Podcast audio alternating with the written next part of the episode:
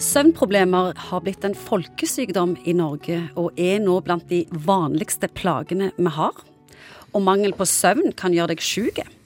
Ikke bare kan du utvikle og få astma, for immunforsvaret det synker, og du blir generelt lettere syk, psykisk svakere og presterer dårligere på absolutt alle plan.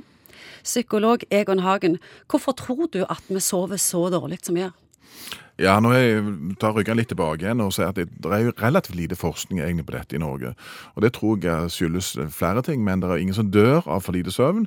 Eh, og du får heller ikke kreft av å sove for lite. Og det er ikke status for en lege å finne ut av det heller? Nei, nei kanskje ikke. Eh, men det er faktisk studier som viser at det er opptil 10-15 av oss som har alvorlige og langvarige søvnproblemer. Er det ikke da rart at ikke legene bare hiver ut sovemedisin til disse ja, for å sove? Det, det er ikke så entydig, faktisk. Det ser ut som det påvirker livskvalitet livskvalitet og humør og opplagthet og den type ting. Men, men eh, jeg tror nok hvis jeg hadde funnet ut at dette hadde en direkte kobling til alvorlig somatisk sykdom, så hadde det sikkert vært gjort enda mer på dette. Jeg òg har noen tall. I 2015 fikk eh, rundt 421 000 nordmenn sovemedisiner. Blant barn og unge mellom 10 og 19 år så har dette med søvnproblemer tredobla seg på ti år. Hva kan årsaken til dette være? Ja, altså i forhold til de kortvarige, altså hvis det er noe akutt knytta til en eksamenssituasjon eller et eller annet som gjør at du blir liggende og, og vri deg og ikke får sove, så er det gode indikasjoner for at hypnotika eller uh, sovemedisin kan være uh, hensiktsmessig. Men utover det, i forhold til langvarig behandling av, av, søvnløshet, så er ikke det faktisk anbefalt engang.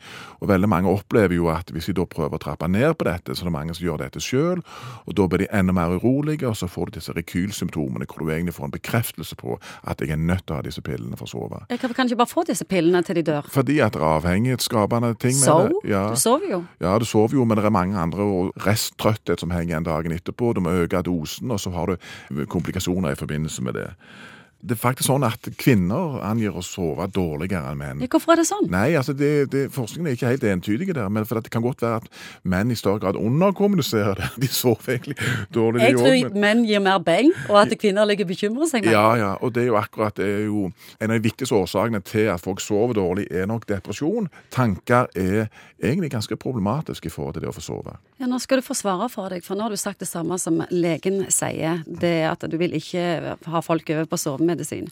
Hva råd har psykologen? Hva kan du si til en stakkar som sliter nesten hver eneste kveld med å komme inn i søvnen? Ja, Det er litt avhengig av hva som er årsaken til søvnproblemet ditt. Noen har jo òg somatiske tilstander. Det kan være høyt eller lavt stoffskifte, hjerte- lungesykdom.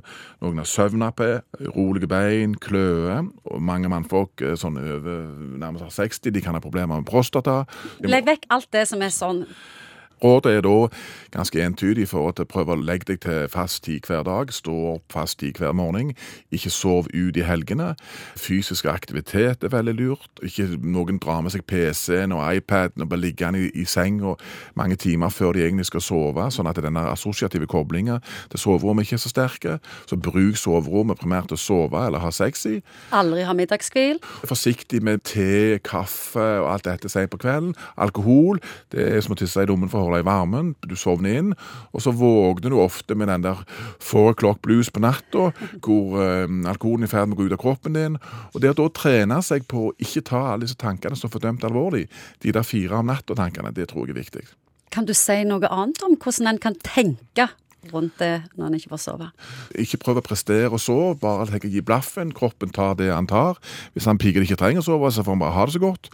Altså Litt sånn paradoksale måter å tenke rundt dette på. Og noen selvfølgelig kan ha glede av meditasjon, altså fokus på pust og de tingene der. Koble ut denne sikringsboksen. For det er på en måte grublinga og det er tenkinga som nok gjør at du kognitivt sett blir så busy at du har problemer med å skru av bryteren.